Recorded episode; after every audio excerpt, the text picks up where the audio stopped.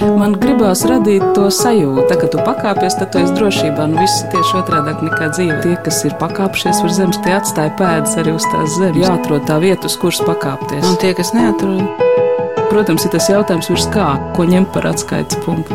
augstāk par zemi. Augstāk par zemi. Augstāk par zemi. Esiet sveicināti!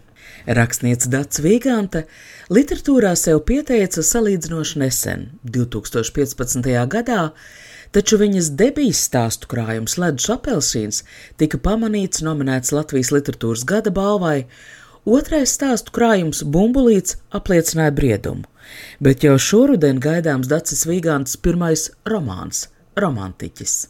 Mans vārds ir Anna Buševica, un es sekoju rakstniecei jau no pirmajām viņas publikācijām, un iemesls pat nav meklējams stāstu kvalitātē, drīzāk kādā asinsgrupu sadarībā. Ar Dācu Vīgantu esam laika biedrs pagājušā gadsimta 80. vēstures griežos pieredzētā paudzes sajūta, viņas stāstos sakrīt ar manu pieredzi. Jo Dacei Vīgantei piemīt spēja pierakstīt laiku, un rakstniece nemaz neslēpj, ka daudz viņas stāstu sižeta impulsu meklējam pašas pieredzētajā, autobiogrāfiskais, arī dzimts vēsture, ir gaidāmajā romānā. Tā nosaukums ir Romantiķis, uz grāmatas vāka dubļiem nošķiests motobraucēju sejas tūplāns. Tas ir viņas tētis. Patiesībā jau būtu jāsāk ar to, kā man vispār ienāca prātā to darīt. Un tas viss sākās ar manu tēta pierakstu klāti, faktiski dienas grāmatu, ko viņš bija rakstījis vairāk kā nu, gandrīz 30 gadus, kamēr viņš nodarbojās ar sportu. Motosportu. Ar motosportu un autosportu un ūdens sportu. Ar Dācu Vīganti tiekamies viņas mājās, galds nokrauts ar pierakstiem, fotoalbumiem, ir arī pieminētā dienas grāmata. Pamatīgi liela formāta klāde padomu laikam tipiskajos plastikātu vākos, Pieķerties tās lasīšanai, Dārts mēģinājis jau skolas laikā. Pati kā skolniece rakstījusi dienas grāmatu un cerējusi tēta dienas grāmatā atrast ko līdzīgu, bet tur ne vārda par dzīves jēgu. Un kaut kādas sacensības, no kurām es neko nesapratu. Es biju, es biju kādreiz gājus tēta sacensībām, kad viņš brauca formulā, un arī bagajos es arī esmu bijusi uz viņa sacensībām, bet tas bija ļoti reti un kaut kā, kaut kā margināli. Jo tādēļ, ka tēvs ar savu nodarbošanos nelielījās, cik es atceros, visas sievietes viņam apkārt vienmēr bija nedaudz nīgras, kad viņš runāja par savu sportu, tāpēc viņš par savu sportu vispār nerunāja. Viņš rakstīja dienas grāmatu. Viņam acīm redzot, bija vajadzība kaut kā norakstīt nost visu to, kas ar viņu notiek trasē. Un es noliku to dienas grāmatu, no es sapratu, ka ne, šito es, tas nav man interesanti. Es arī kļuvu par vienu no tām sieviešu dzimtas pārstāvēm, kurām man tēta nodarbošanās bija kaut kas dīvains. Pagāja gadi, un tēta jau beidza sportot. Viņš atnesa man šo klādi ar tādu domu, ka nevienam citam, kam atstāt, viņam nav. Un tā klāte mierīgi gulēja pie manas putekļojos plauktā ļoti daudzus gadus. Un tad es vēl pat, man liekas, nebiju literatūrā, un es to klātu paņēmu. Nu, tāds ir tās brīdis, kad tā paņēmu, atvēru un aizvēru tikai tad, kad es to izlasīju. Pirmā man doma bija, ka nu, tas ir pilnīgs romantiķis. Man liekas, tas donkihotisms, ko es tur izlasīju, es sapratu, ka es vienkārši nedrīkstu atstāt šo aizmirstībai. Man ir kaut kas jādara ar to materiālu. Šī tā klāte. Tu esi visu to salīmējis mazām krāsainām jā, lapiņām. Viss ir mazām krāsainām lapiņām. Arī pasvītroti tie teikumi, ja, kur es ieraugu to viņu to attieksmi, to viņu Nu, kad es veidoju savu tēlu, ja, tad, tad es, viņš attiecīgi runā, viņš attiecīgi kaut kā domā, viņam ir kaut kādas intonācijas, vai ne? Tās es mēģināju tās arī pasvītrot, lai mans varonis varētu nu, ar to operēt. Ja? Bet tā, ka tieši tādiem vārdiem noteikti nebūs, un tieši tāda situācija noteikti nebūs. Tas ir 1977. gads no tēta klātes mazs fragmentiņš. Stāv uz starta pēdējā godpilnajā rindā.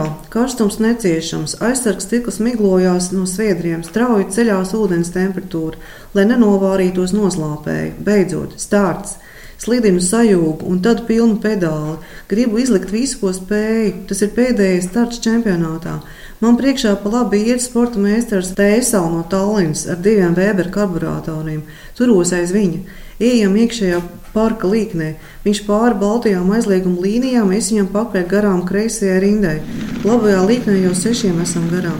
Nu jau uzsākam garo nepārdzamo kreiso līkni. Traucamies nezināmā. Patreiz distancē 30 kubikcentimetru klases mašīnas. Sportistiem jāpārvar daudz šķēršļu.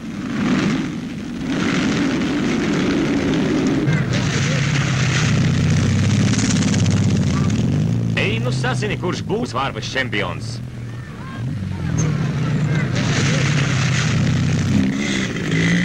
Tur ir tāda mīļuma balsī, saka, tētis, tētis.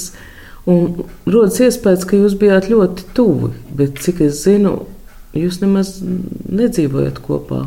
Nē, mēs nedzīvojām kopā no četru gadu vecuma. Man vecāki izšķīrās, bet man ar tēti vienmēr bijis tāds, tāds kaut kāds, es teiktu, tāds dziļāks mazliet attiecības. Jo arī tas, ka viņš raksta, Viņš raksta, starp citu, ļoti labi. Tāpat laikā romānā ir tā epizode par to bērnu, kurš tiek aizmirsts pie upes un pārkarsts saulē, kuram piedāvā, ko tur kefīru. Izrādās, ka viņš kefīru nemaz nedzer. Es esmu dzīvē redzējis šādas epizodes, kur nu, nav laika vienkārši paskatīties uz to bērnu. Nu, es teiktu, tā, ka šīs epizodes kā reize no dzīves, nu, varbūt nedaudz citādāk interpretēts, protams, attiecīgs izšķirtam, bet tās epizodes ir no dzīves. Jā, tā, tā aizmiršana ir bijusi, un arī kefīrs ir bijis. Jā, tieši tāda. No dzīves ņemto epizodu romānā, kurā kā bērns paņemt uz sacensībām viņa saulē pārkarst, pieminu, jo tas man liekas tik skaisti ka šo bērnu pēc gandrīz pusgadsimta uz priekšu dzēna nevis aizvainojums, bet gan vēlme saprast, kas tajos motoros bija tāds, kas toreiz lika sportistiem riskam pakļaut ne tikai savu rumpi, bet arī ģimeni, labklājību visus pasaules. 49 mašīnas dodas cīņā 350 kubikcentimetru klasē. Sākumā priekšgalā izraujas Olderts Rešetniks, taču turpat jau ir pārējie. Bet kā būs finišā?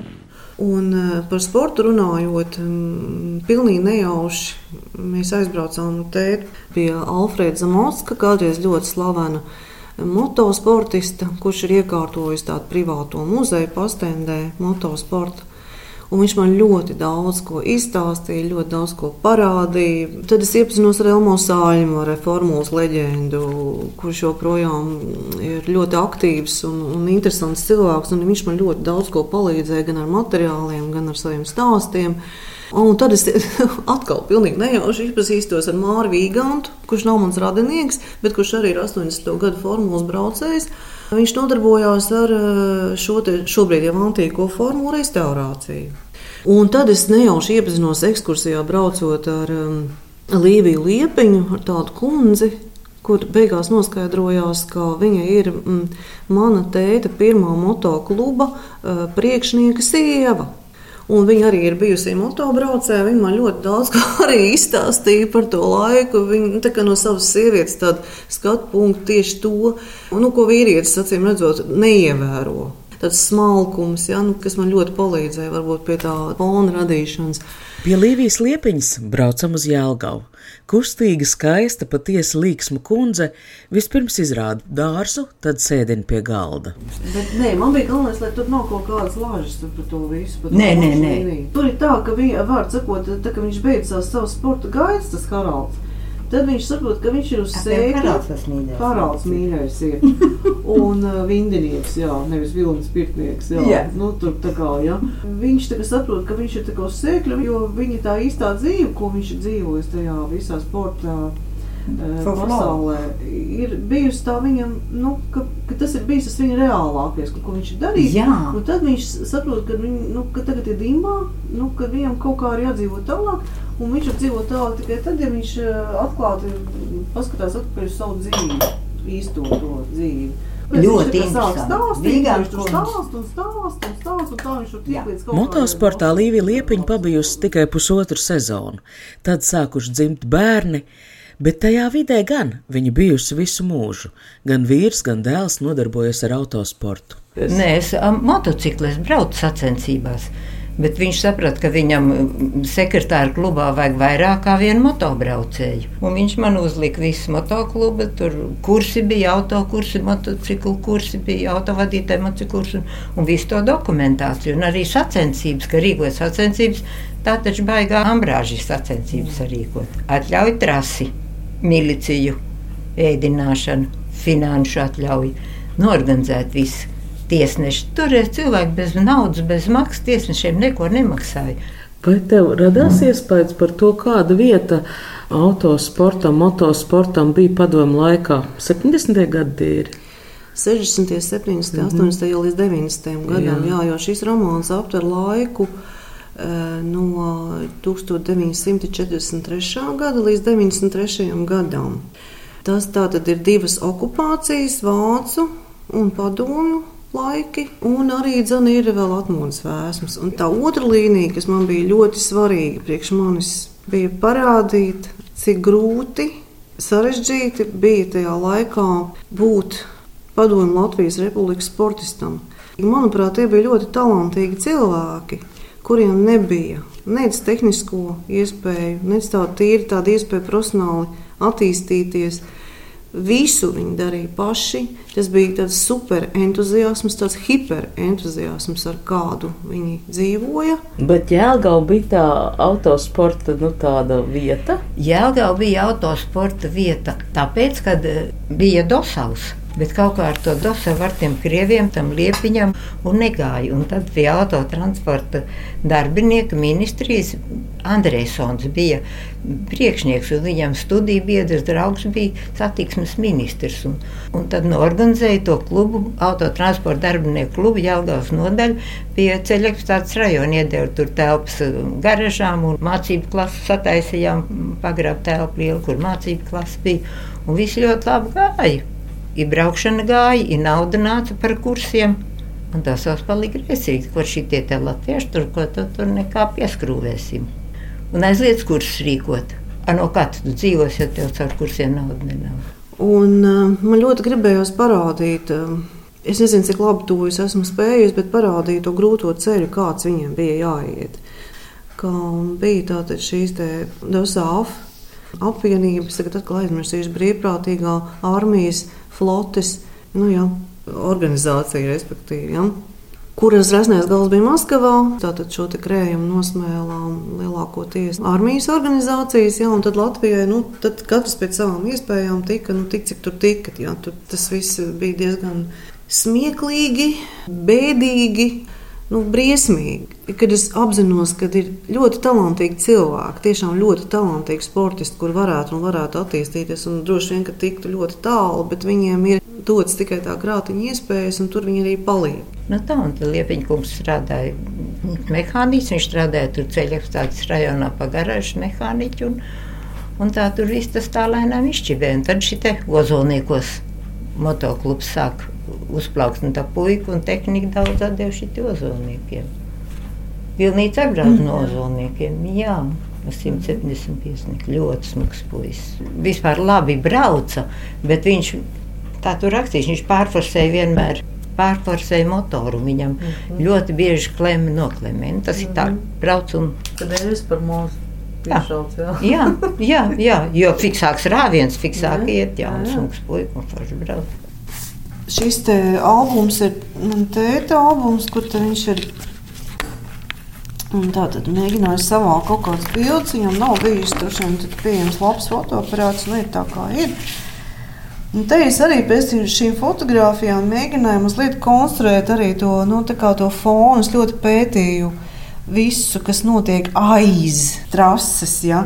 kādi šie cilvēki izskatās. Ja? Jo tur jau arī ļoti labi var pateikt, ka šis jau ir atmodas laiks, tur jau var mm -hmm. redzēt, vai ne tautamēts un tā. Man laimējās, ka man arī iedeva savu albumu Līviju Liepiņu. Šis ir vēl agrākais sports no 46. gada, kur tu vienkārši redz, kā tas viss tās parādas. Ja? Vecās uh, piekabēs un, un, un motociklos ar piekabēm, kā viņi brauc ar vainagiem un mejām. Un, un, un meitenes peltu kostīmos vēl tajā laikā, un, un kaut kādi tādi tā kā svinību pasākumi uz mašīnām, kur uzkāpa trepīpiem, tā kā skatuve. Nu, kur var redzēt, kas viņiem ir galvās, ja kaut kāds tankistenis, citiem tur nav vispār nekas, kaut kādas cepurītes. Ja. Tas ir kas, kas principā nekā nepasargā galvu. Ja? Nu, kā te var kaut kas pasargāt galvu? Ja? Tādās mm -hmm. micītēs, ja teikt, sākumā brauc, un tad lūk, visi šie te arī armijas cilvēki, kas, kas atbildēja par sporta veidiem tajā laikā. Jā, tad viņi arī visi, protams, piedalījās šajās sacensībās, gan, gan pie runām, gan pie apbalvošanas. Te ir arī te ļoti labi redzēt, ja, ja pievelc tuvāk, vai ne kā tie bērni skatās, tie puikas. Es vienmēr brīnos, nu, dodoties braukt sacīsties, nu tagad ir visādi ekipējumi, tērpi, nezinu kas. Toreiz taču jums nebija bail. Nē, no kā man bail? No ātruma? Nē. Var sasisties? Nē. Jautājums, kas mani pašu ļoti urdīja un interesēja. Un es visiem sportistiem, ar kuriem es runāju, es viņiem jautāju, nu, kā tev nebija bail? Nu, tās atbildes, kad bail ir visiem. Nu kā, nu, loģiski, bailes tā ir tāda loģiska lieta. Ja? Nu, tad, nu, bailes ir visiem, bet viens aspekts ir tas, ka tu ļoti mīli to, ko tu dari. Otrs aspekts, tu vienreiz norauj mutes, kā man teica Fredis. Otrais norauj mutes, un tad tu sāc domāt, kā izdarīt tā, lai tā vairs nebūtu. Sāc vienkārši attīstīt savu meistarību, sāc domāt par tehniku, par muskuļu grupām, kas jātrenē. Protams, tas nepasargā no nejaušībām. No dabiski viņas daļēji sauc par adrenalīnšķikiem. Arī runājot ar savu tēti, kad viņš teica, neraugoties uz to, ka viņš savā mūžā piedzīvoja ļoti daudz autobraucēju nāvis, ja tieši trasēs. Bet tas viss bija tāds, tā kā, nu, ka tu nevari no tā atteikties, jo tur tu esi viss dzīvākais, viss patiesākais, nu, viss tāds es. Eh, varbūt es tagad runāju muļķības, pilnīgas, ne? Jo es neesmu bijusi tajā situācijā, bet es apmēram tiešām tas pirmsstarta, es vēroju, un vēroju sportistu pirms tā pirmsstarta, tas adrenalīns. Tas ir, nu, tas ir kaut kas, tas ir brīnišķīga enerģija, tas ir kaut kas tāds fenomenāls. Es, tas cīņas moments, es, es, es iztēlojos, kā tas ir. Es tiešām to spēju un spāniņas ceļās uz rokām. Saku, kad es iztēlojos, kā tas ir braukt tajā straumē, meklēt tās izējas vietas, riskēt riskēt, bet, ja tu neriskēsi, man daudz sportisti ir teikuši to, ka tikko tu sāc šaubīties, viss tu esi zaudējis. Ja tu sāc šaubīties, tu esi zaudējis. Vienkārši nedari to.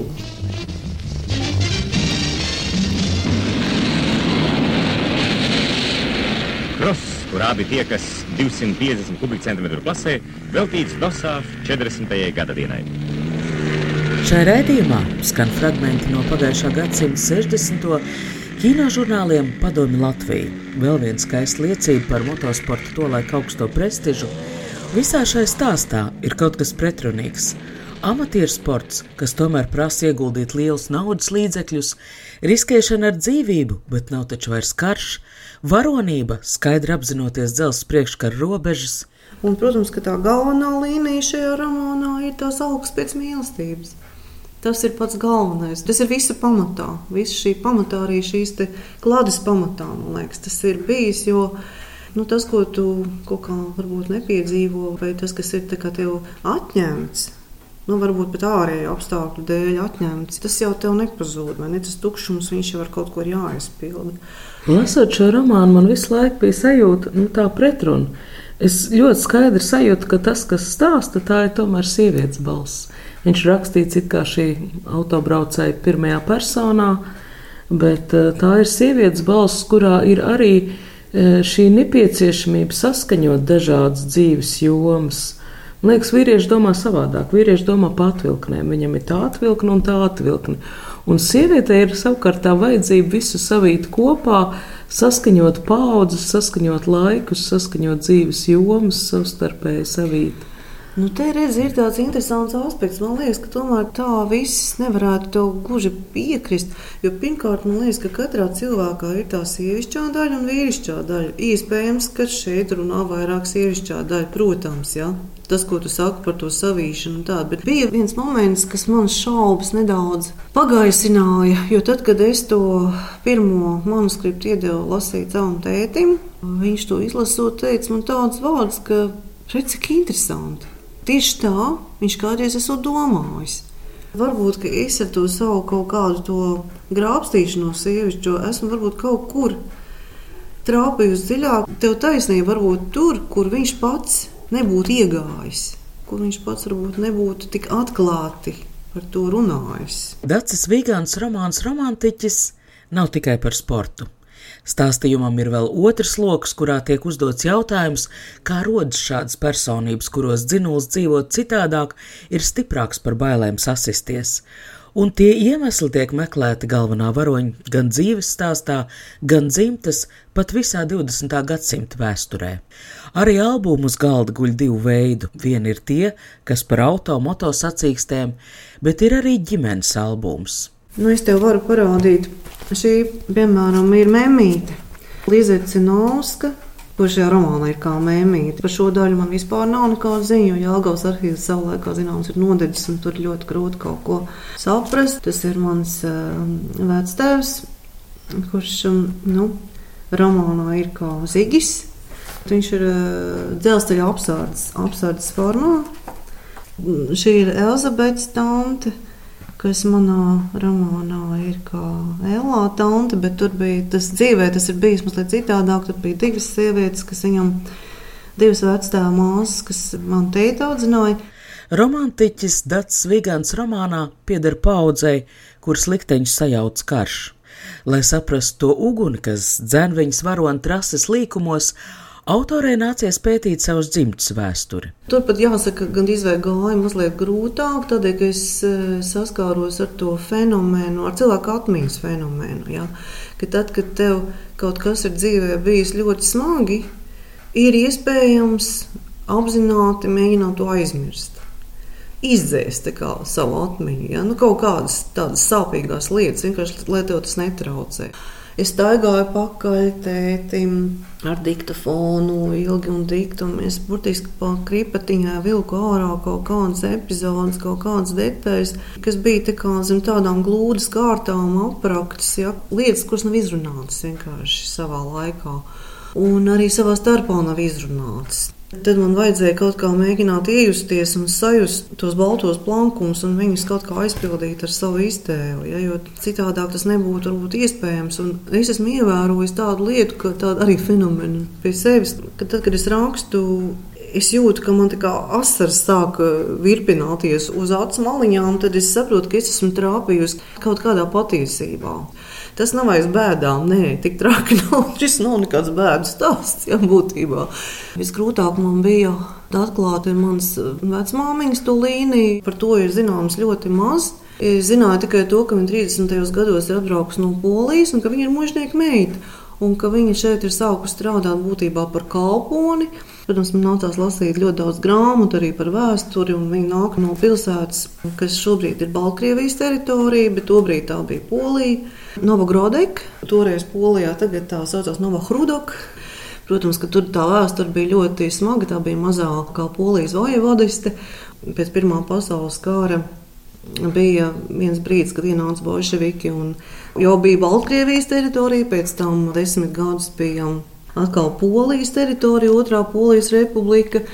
Un, nu, un tad pienāca 39. gads, Ribbentrop-Molotov pakts, kad ienāca vācieši. Un pēc divām nedēļām ienāca arī krievi. Saskaņā ar šo protokolu 200 km no Polijas teritorijas tika anektēti. Un tad, pēc tam, vēlāk, jau, kad notika Otrais pasaules karš, tad Teherānas konferencē 43. gadā tika pieņemts lēmums, ka šī teritorija paliek Krievijai kā kompensācija. Nu, protams, ka mužniekiem toreiz jau privilēģis bija atņemts, nu, palika īpašums dabiski, bet nu, tas bija jāapsaimnieko pašiem. Un es zināju to, ka man vecmāmiņa acīm redzot devusies uz Latviju, lai pelnītu naudu. Un tas ir viss, ko es faktiski par šo dzimtu zinu. Vecmāmiņa nekad par to nerunāja, nestāstīja. Viņai ir bijusi tik dramatiska dzīve. Man liekas, ka nu, tas ir kaut kur aizsliedies otrā plānā, bet es vienkārši nu, emotīvi, empātiski domāju, nu, kā tas bija šai sievietei. Apzināties to, ka tev ir atņemta dzimtene, tava dzimte ir faktiski izjaukta, izdzenāta, ka viņa nekad vairs nesatika savus radiniekus Viņa satika tikai vienu savu māsu, kas atbrauca. Viņa gan sniedza pieteikumus uz izbraukšanai, lai tiktos vienkārši ar, nu, vienkārši ciemos aizbraukt uz Poliju, bet viņai visu laiku tika sūtīti šie atteikumi. Viņa ceļ savā brazna, ja ka nav pamata. Beigās jā, viņa bija tikai viena reize, kad viņa tikās ar māsu. Ja, neitrālā teritorijā, Minskā, ja, no Polijas māsas atbrauc. Dācis Vigants tēva dzimtas vēsturē, attiecīgi arī šajā romānā, ir pilns atpazīstamo vēstures tēmu katalogs. Gan izsūtīto liecības, gan uzvarētāja armijas nežēlība pēckara gados. No šī skatu punkta romantiķi droši var pieskaitīt jau esošajai 20. gadsimta vēstures romānu sērijai un es jautāju Dacei Vigantei, kāpēc viņai ir bijis tik svarīgi tagad jau nobriedušā vecumā rakties, saprast sev tuvo cilvēku stāstus kādā lielākā vēstures kontekstā. Bet uh, savas dzimtas vēsturi tu pētīt esi sākus jau savā pirmajā stāstu krājumā Ledus apelsins. Tur laikam ir par šīs izsūtījuma epizodes. Vispār, ja tā tagad paskatos atpakaļ, Mana ienākšana literatūrā faktiski bija saistīta ar šajā gadījumā no mammas puses, mammas dzimtas notikumiem, kurus es kā bērns, un arī kā pusaudzis, un arī jau kā jauns cilvēks toreiz nesapratu, kāpēc tas viss ir tā. Un man tiešām gribējās saprast, kas ir viss tā pamatā, kāpēc tās attiecības ir tik dīvainas. Tas bija man tas pirmais dzinulis. Nebija pirmais tās, ar kuras ienācu literatūrā, bet tas bija kaut kāda pieraksts, es atradu, kurus esmu mēģinājis rakstīt, sākus rakstīt to romānu, tā kā par savu dzimtu. Es biju sākus rakstīt, jo man tas urdīja, man tas bija svarīgi saprast, jo tomēr tās bija sievietes, ar kurām es dzīvoju kopā un visus šos cilvēkus redzēju. Es nesapratu, kāpēc tur ir tas, tas vēsums, tā nesapratne, tā kaut kāda atsevišķinātība, bet arī nu, tās nepiepildītās algas pēc mīlestības. Es, es atradu atbildes. Tajā gadījumā es pilnīgi noteikti atradu atbildes. Es negribu tagad tā teikt, ka tagad es tagad tā dzīvoju vieglāk, tālāk, bet jā, tas, ka es atradu atbildes un ka man ir tagad eh, man ir lielāka skaidrība pašai par sevi zinot savas saknes un kas tur viss ir noticis. Vēlme, bet nespēja mīlēt. Nu, jā. tas man kļuva skaidrs, un tas man uh, arī daudz ko palīdzēja nu, varbūt sevī saprast. Šī ir mana pēdējā fotografija vecmāmiņa. Jo es viņu atceros uh, vienmēr šausmīgi enerģisku. Vienmēr par visiem viņa uztraucās. Viņai bija tāda tā ārkārtīgi tāds spridzinošs e, tāds, uh, temperaments un viss un tā. Un viņi vienmēr par visiem uztraucās, visur skrēja un, visu, un, un, un darījās un strādāja un, un dziedāja poļu valodā. Viņi dziedāja poliski, un to es atceros ļoti labi, īpaši pie pašām beigām. Pirms nāves uh, viņi ļoti daudz uh, dziedāja dažādas baznīcas dziesmas, tāpēc es esmu ļoti pateicīga Ingūrai Balodai, ka viņa man atrada Es viņai lūdzu, viņa man atrada kolēģu šo baznīcas dziesmu, kas būtībā ir arī šūpuļu dziesma, kurā ir viss, tur ir viss. Tur ir vienkārši tu izlasi, tur ir latviskais tulkojums, protams, jo pateicoties Ingūrai, un tu izlasi, un tu to visu saproti. Visu, Viņa principā pietika tikai ar šo dzīvo rindiņu, lai saprastu, kas notiek ar visiem varoņiem. Tas ir tā tāds pilnīgi kopsavilkums, ja, kas viņam ir iztrūcis un kas, kas kaut kādā ziņā nu, droši vien ir iegūts dzīves laikā.